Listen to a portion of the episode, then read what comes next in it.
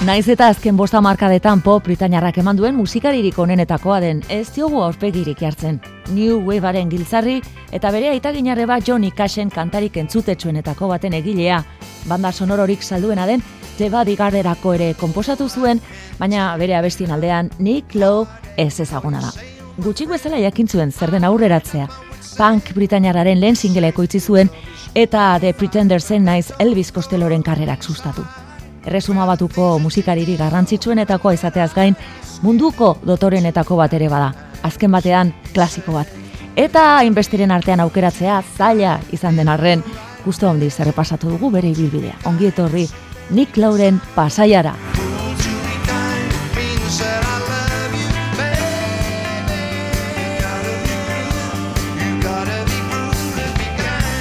Nicholas Drain Low ingalaterrako Sarrin jaio zen Walton on Thamesen mila bederatzion eta berrogeita bederatzean.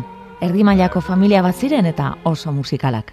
Hans Christian Andersen filmaren soinu banda oso gogoko zuen nikek eta kanta hau amarekin abesten zuen orduak ematen zituzten Inchworm batera abesten. Nick Lowen aita Royal Air Forceko pilotua zenez, aurtzaroa ekialde hurbilean pasa zuten eta ingalaterrara itzultzean Keep It On Lodge izeneko banda bateko bajista moduan hasi zen. Izan ere ikasketak ez ziren bere indargunea eta oso gaztetatik musika munduan sartu nahi izan zuen. The Beatlesen zigiluak Parlophone Recordsek kontratu eskin izien eta Shy Boy kaleratu zuten irurogeita zazpian, lehen singela. Now the first appearance by a new group with their record numbers Shy Boy, Kippington Lodge. His hair is never right, his acne looks a sight, the clothes he buys don't fit tight. Everybody puts him down and calls him Shy Boy. Shy Boy. Eirugarren kanta kaleratu zutenean desegintzen taldea, beste deitura batekin segitzeko Princely Schwartz abeslariaren izena hartu zuten pop musikan The Beatlesen eragina hultzen ari zen eta giro aldaketa somatzen zen. Ameriketan esaterako rock musikaren sustraietara jotzen hasi ziren Creedence Clearwater The Band edo Crosby, Still Nash bezalako taldeak. Mila bederatzion eta irurogeita amarreko apirilean ikusi zuen argia Brisley Schwartzen lehenengo diskoak. Zazpia bestietatik zei Nick Lowenak ziren eta Crosby, Still Nashen eragin zuzen zuzena zuen. Shining Brightly izeneko honetan entzun dezakegunez. Hey, one tall brown Appalachian woman with her hand stretched out to the east wind Can I stand by your side through eternity So princess, what's your twin? Whoa, we'll go shining brightly All across this crystal sea Whoa, we'll go shining Our hands are tight, and relentlessly across the sea.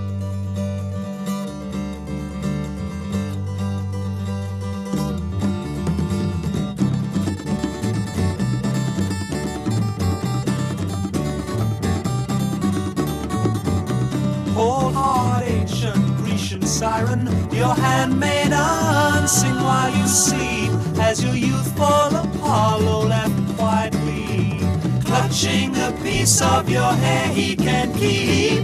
Whoa, we'll go shining brightly all across this crystal sea. Whoa, we'll go shining, our hands are tightening relentlessly. Lehenengo disko ezagutara emateko, Princely Schwartzekoek Dave Robinson manager ezagunarekin kontratu bat sinatu zuten, honek plan bat zuen, Van Morrisonen telonero izango ziren, eta gainera, munduko kontzertu aretorik famatuenean joko zuten. Baina gaizki atera zen. New Yorkeko Fillmore Easten jo zuten mila bederatziun eta irurogeita marreko apirilean, Robinsonek egazkin bat musika kazetari britainarrez bete zuen, taldeari publizitatea ematea zen asmoa, baina Brisley Schwartzek oso kontzertu kaskarra eman zuen, eta kazetariak gainera erabat mozkortuta iritsi ziren emanaldira. Imaginatu daitekenez kontzertuak eta lehen diskoak ere oso kritika txarrak izan zituzten, eta Brisley Schwartz taldea The Hype bezala ezagutuko zen handik aurrera puztutako fenomeno bat zirela kritikatuz.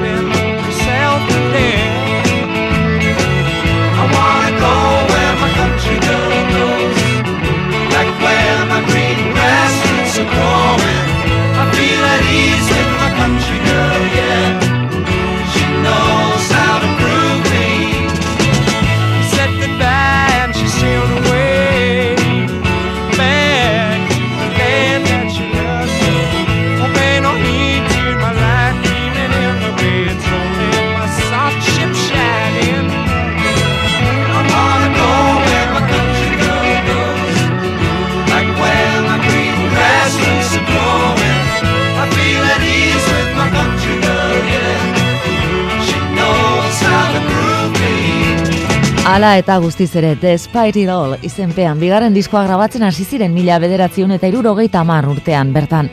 Norbere buruaz barre egitea bezalakorik ez dago, eta Filmoreko desastreaz ari dira tituluan.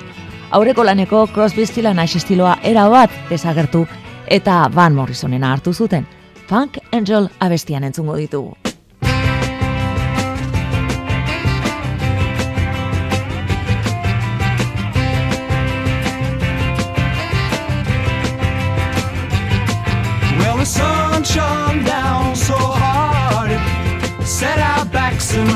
On fire.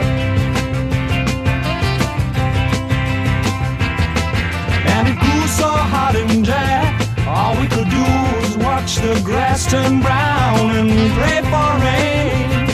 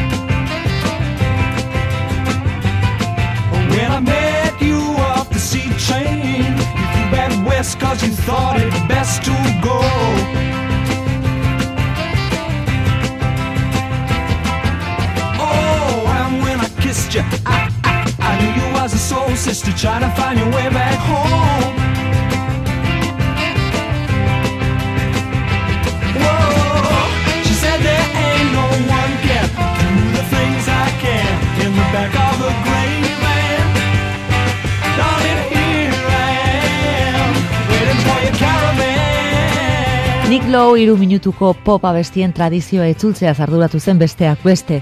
Love Song izeneko country estiloko abestila sai honetan horretan alegindu zen lehen aldiz eta naiz eta ikusiko dugunez estribiloa behin da berriz zerrepikatzen den oso atsegin egiten da.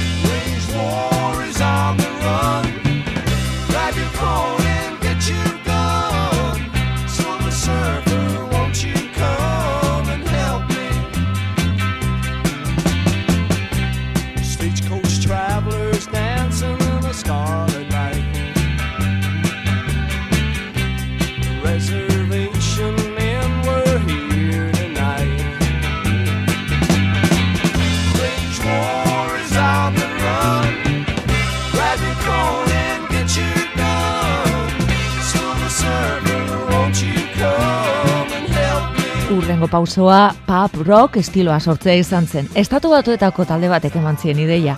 Mila bederatzeun eta irurogeita maikean country rock amerikarreko X Over Easy taldea Londresen izan zen diskoa grabatzen.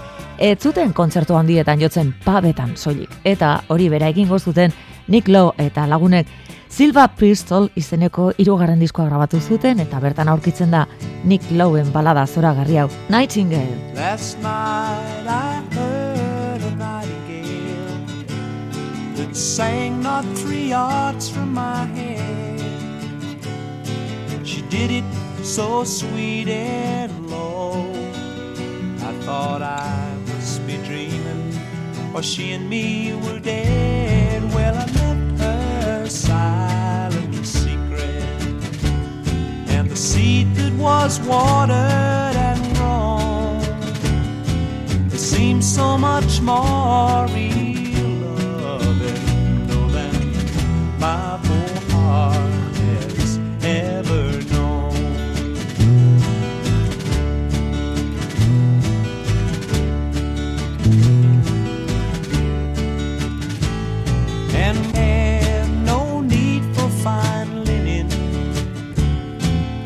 or a Batman to shine my shoes.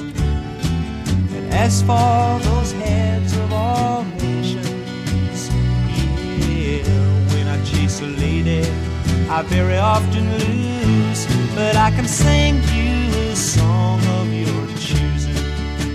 If I don't know the words to a tune, I'll give you the gifts I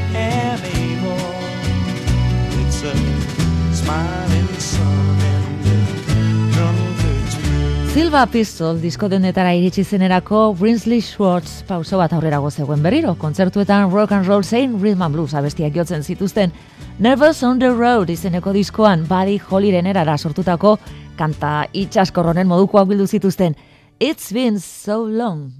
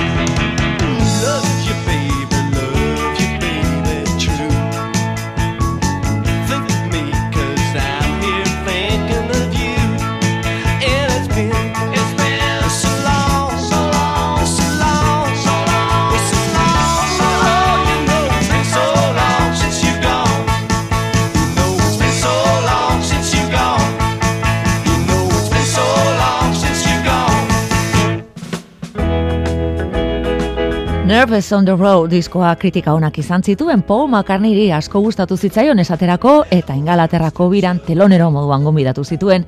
Edozein modutan aurrera begira soul, reggae, rock and roll urrengo diskoan zein norabide hartu etzekitela dirudi. The Cricketsen Don't Ever Change abestiaren cover ederra ere sartu zuten.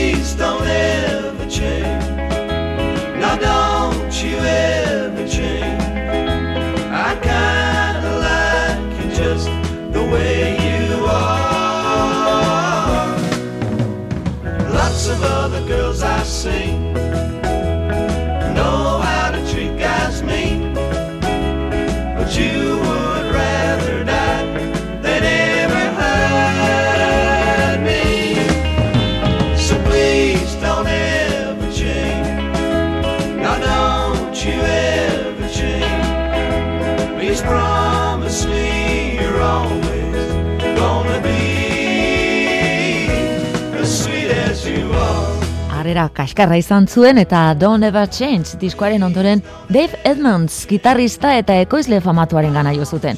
Mila bederatziun eta irurogeita amalauko apirila eta maiatzartean grabatu zuten The New Favorites izeneko diskoa. Zuzenagoa zen eta hit handi honekin hasten zen. What's so funny about peace, love and understanding?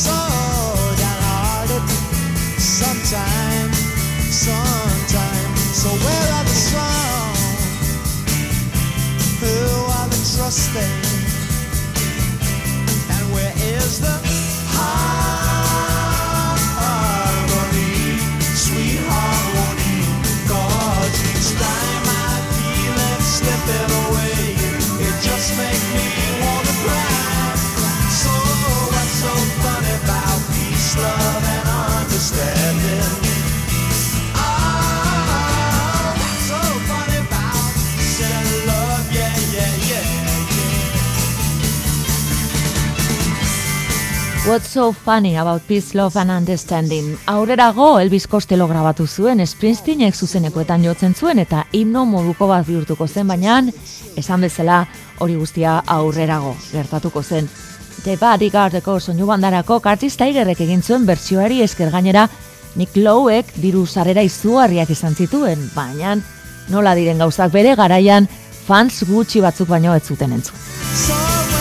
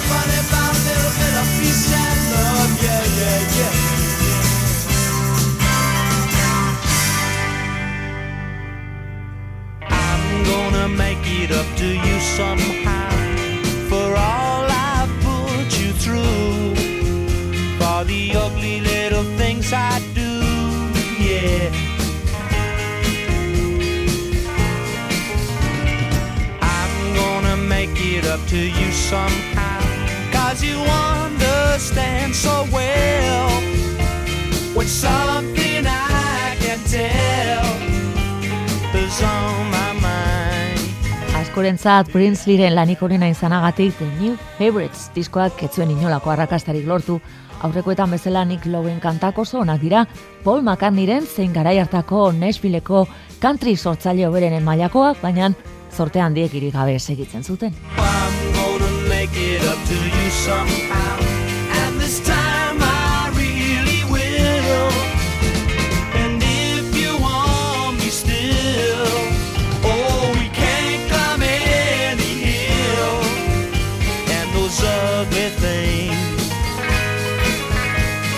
Ugly things.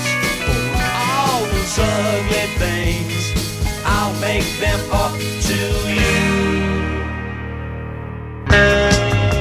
Bost urte eta sei disko ondoren United Artists zigilua nekatzen hasi zen eta azken saiakera bat egin zuten Steve Roca ekoizlei paramerikarrarekin eta Nick Lowen kantarik ezagunena grabatu zuten. Hori bai, astroak ez ziren lerrotu beste behin eta diskoetxeak artxibatu egin zuen. Arritzekoa bada ere, ez zitzaien gustatu. Baina bai, Princely Schwartz taldearekin grabatu zuen, Cruel to be kind abestiaren lehen bertzio.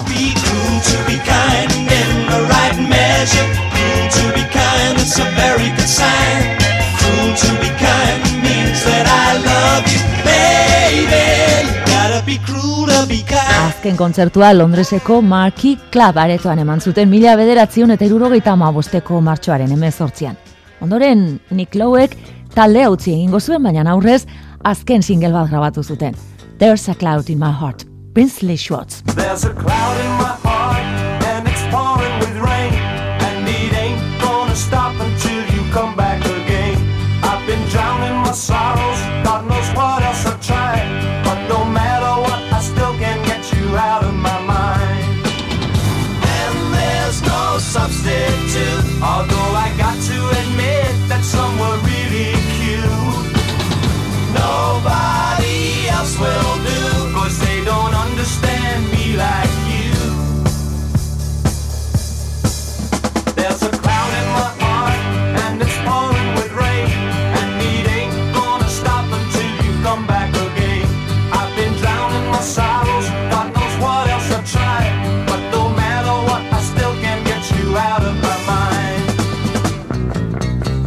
a cloud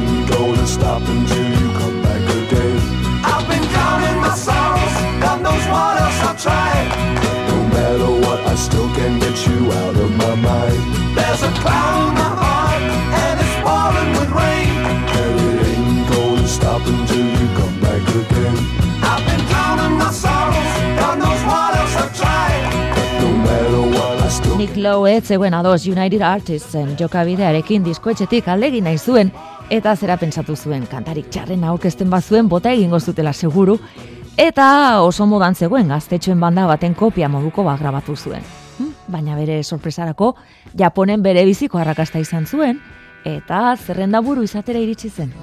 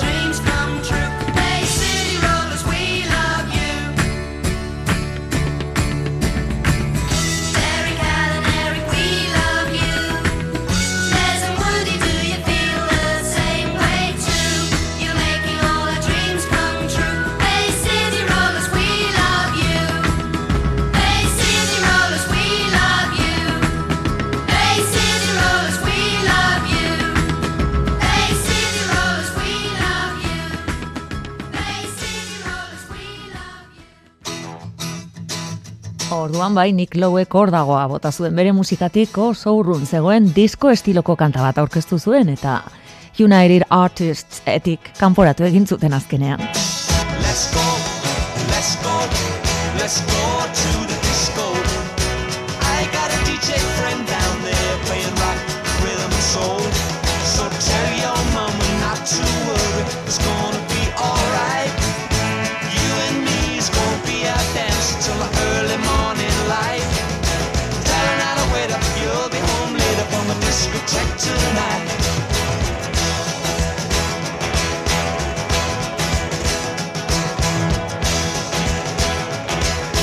Mila bederatzion eta irurogeita amaseiko martxoan Nick Lowek bakarlari moduan grabatu zituen bi kanta. Azten ari zen diskoetxe batekin. Britania handiko punk eta new wave musikarentzat garrantzi handikoa izango zen zigilu berri batekin, Steve Recordsekin.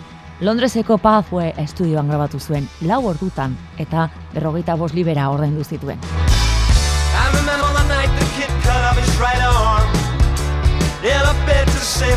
I He got 50,000 watts In a big acoustic tower.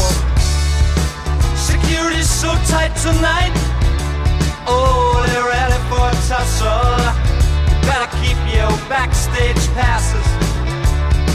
Cause your promoter had the muscle. And so it goes. And so it goes. And so it goes. And so it goes. But where it's going no one knows. And so it goes. And so it goes. And so it goes. And so it goes But where it's going no one knows.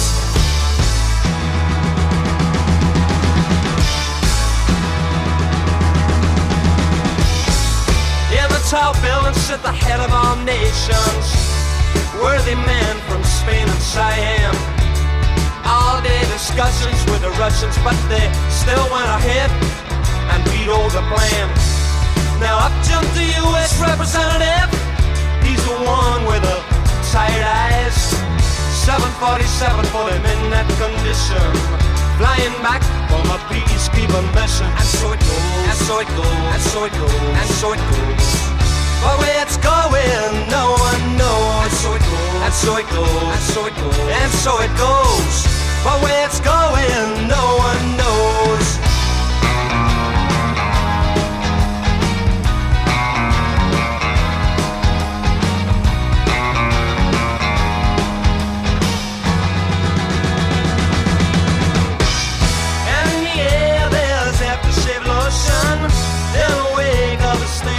Persian On his arm a skin tight vision.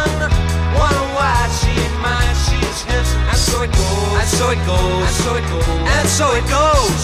But where it's going, no one knows. And so it goes, and so it goes, and so it goes, and so it goes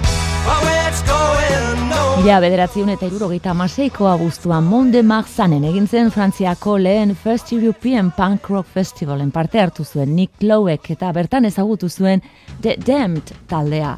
Eta aurrengo hilean, talde ingelesaren lehen singela ekoitzi zuen, New Rose, punk britainararen lehen grabazioa izango zen izan ere, Sex Pistolsi aurre hartu zioten handik hiru astetara grabatu zuten haiek, Anarchy in the UK.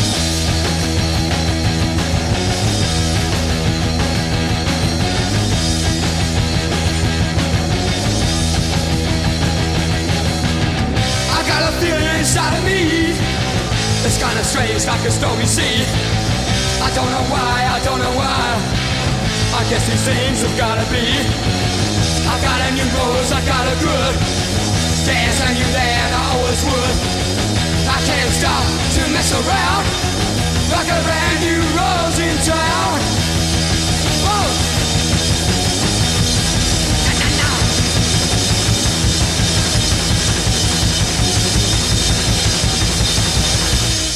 punk rock estiloa oso gogoko zuen eta garai hartako abestietan rock sustraietara jo zuen. Dave Edmundsekin grabatu zuen adibidez, I Knew the Bride. Well, the bride looked a picture in the gown that her mama wore when she was married herself nearly 27 years before. She had to change the style a little, but it looked just fine. They stayed up all night, but they got it finished just in time.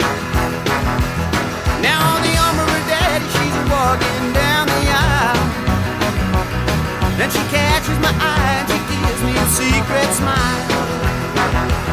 Maybe he's too old fashioned, but we once were a close friend. Oh, but the way that she looks today, she never could have been. Well, I can see her now in the tight blue jeans, pumping all her money in a record machine, spinning like a top. You Should have seen her go. I knew the bride when she used to rock and roll. I knew the bride when she used to rock and roll. I knew the bride when she used to rock and roll. I knew the bride when she used to rock and roll. Mila bederatziun eta irurogeita emezortzian kaleratu zuen Nick Lowek lehen bakarkako diskoa Jesus of Cool titulopean. Baina, merkatu estatu batuarrerako beste izen bat pentsatu behar izan zuten. Hain puntilosoak izaten dira gauza batzuetan. Eta Pure Pop for New People izenez argitaratu zuten. Han. Edozein modutan, Nick Lowek pop musika sortzeko zuen ohiko abilezia erakutsi zuen ironia eta umore beltzalde batera utzi gabe. Little Hitler, zoragarri honetan adibidez.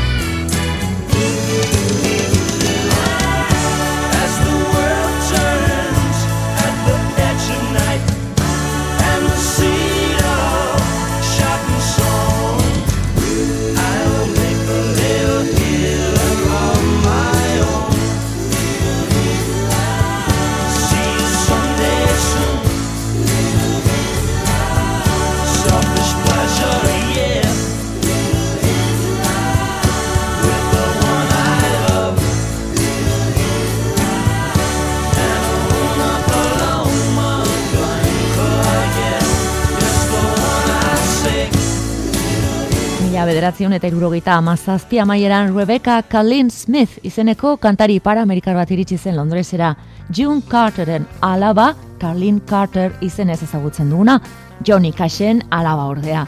Eta bere aizpari ala esan omen zion Nick Lowe ezagutu zuen momentuan. Rosie, ni mutil honekin ezkonduko naiz laister. cracking up.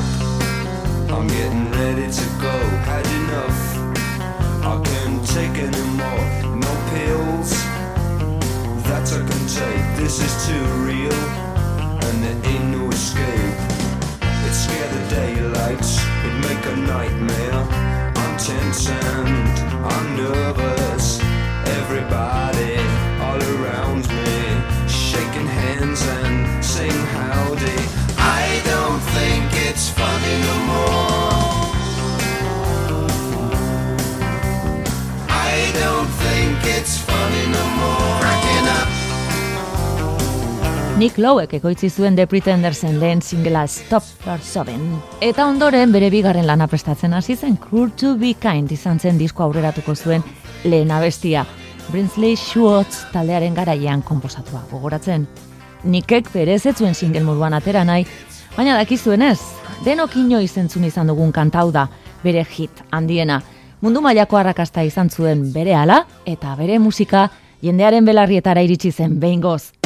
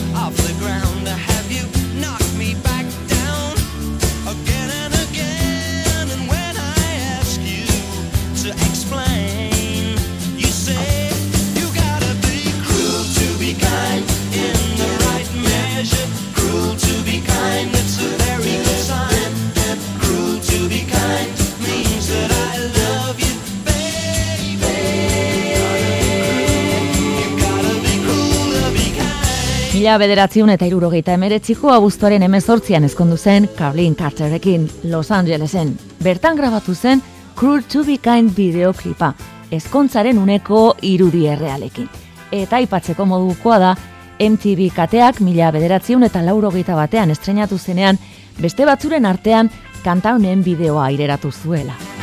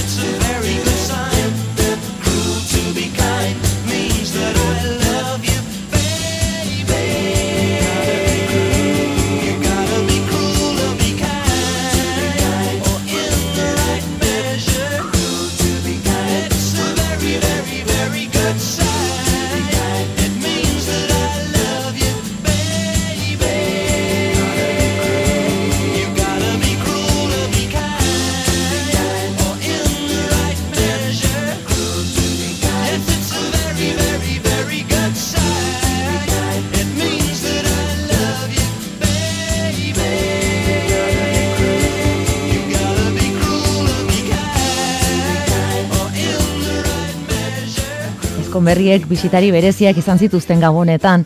Nick Lowek gurasoenean ingalaterran igarotzen zituen normalean jaiak, baina mila bederatzion eta irurogeita emeretziko egu berri haiek June Carter eta Johnny Cashekin ospatu zituzten Ameriketan. Etxeko sotoan grabazio estudio txiki bat zuen, eta bertan grabatu zuen Johnny Cashek Nick Lowek konposaturiko kanta ospetsu eta erromantiko hau, Without Love. Without love, I am half human. Without love, I'm all machine. Without love, there's nothing doing. I will die without love.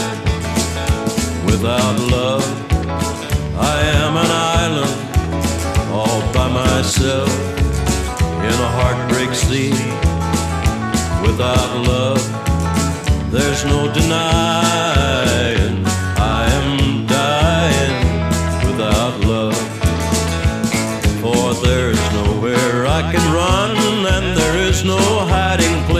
sticking out like a sore thumb by that gloomy look upon my face.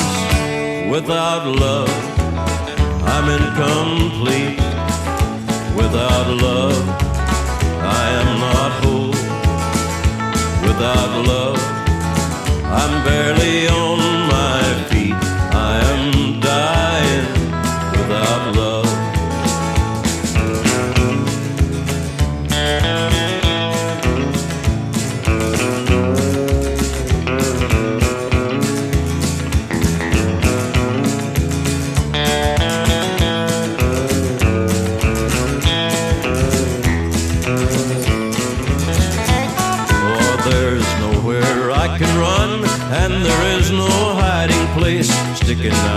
swords on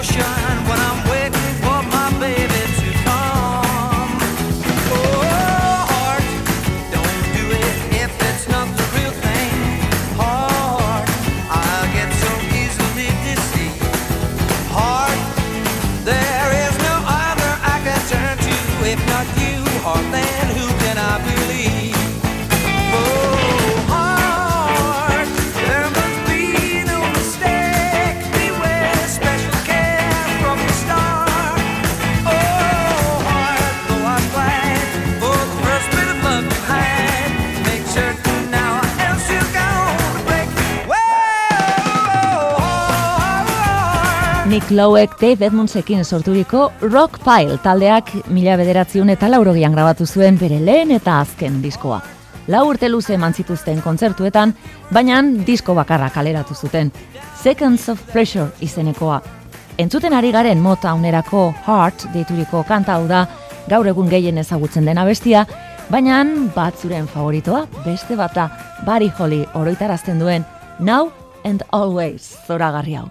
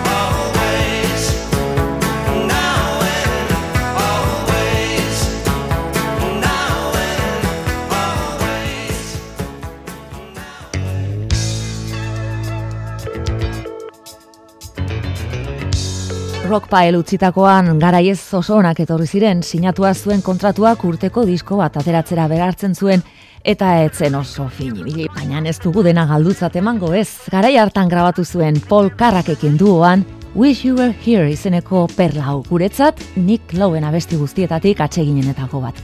Ea, zer diozuen.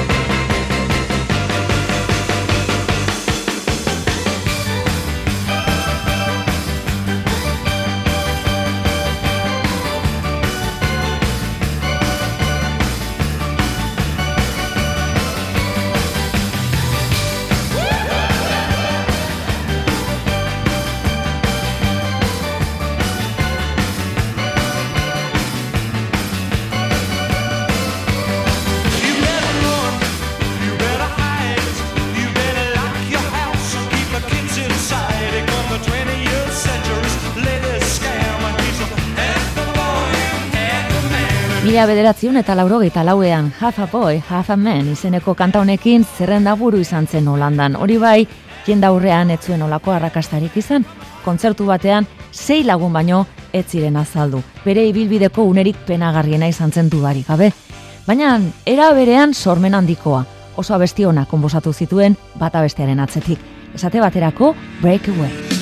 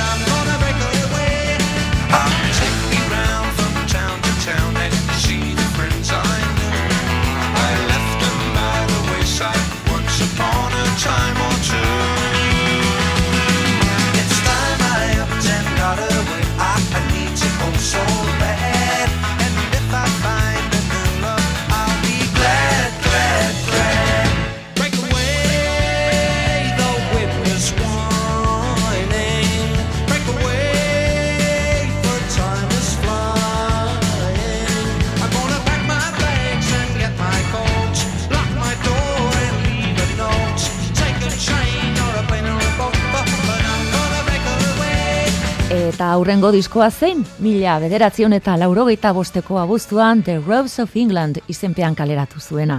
Kanta zoragarriz betea. Bali Holiren estiloan entzungo dugu berriro ere. She don't love nobody.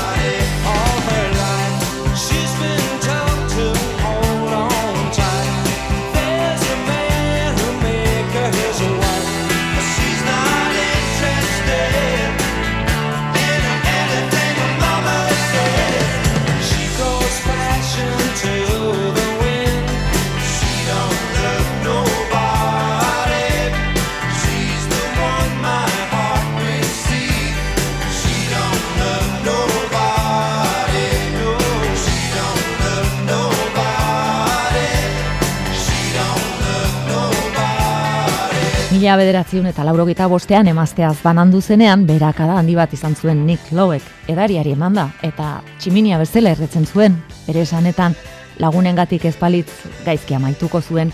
Zorionez, momentu zailaietan Elvis Costello eta Dave Edmonds alboan izan zituen. Edozein moduz kantak sortzen segi zuen, eta mila bederatziun eta laurogeita marrean Party for One diskoa kaleratu zuen, Reprise zigiluarekin eta arrakasta handia izan zuen All Men Are Liars izeneko abesti honekin.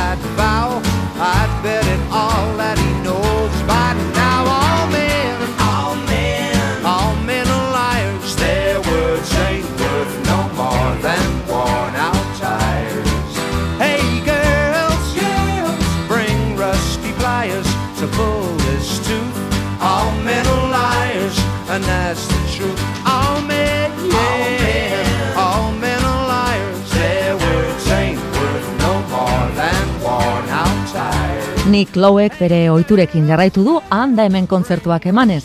Antologikoa izan zen, 2000 eta maikako abenduan Bilbon, Santana hogeita zazpiaretoan eman zuen kantaldiura. Elurrari zuen eta etzen jende asko bildu, atletikek etxean jokatu zuen gainera. Baina Euskal Herri osotik eta kanpotik ere inguratu zirenek ez dute hola hola aztuko.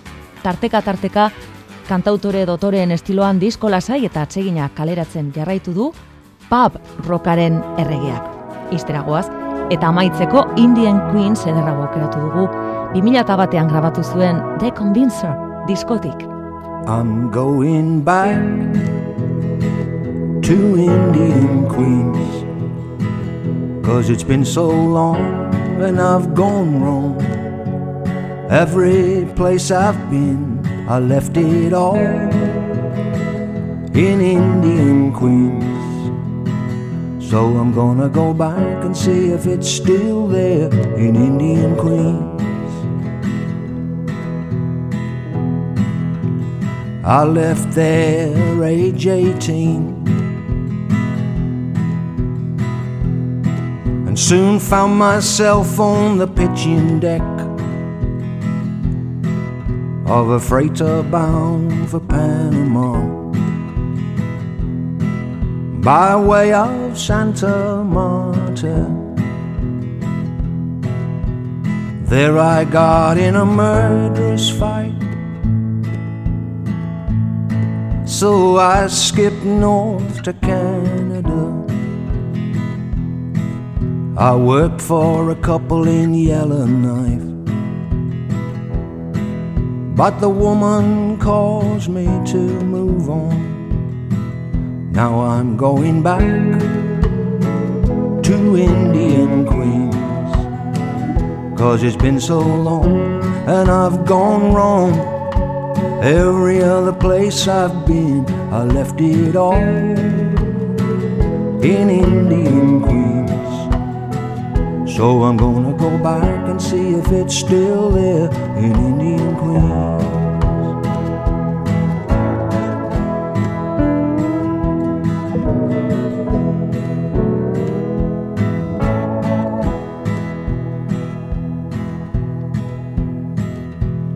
Drinking and brawling, I drifted south. Where I worked the rigs off Galveston. One day a shark took a diver's leg.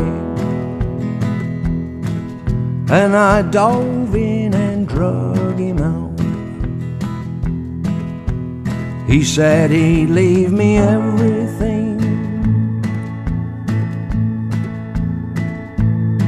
But he died before he could sign the will.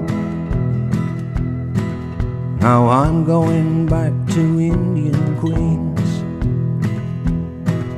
to see what there's still there for me.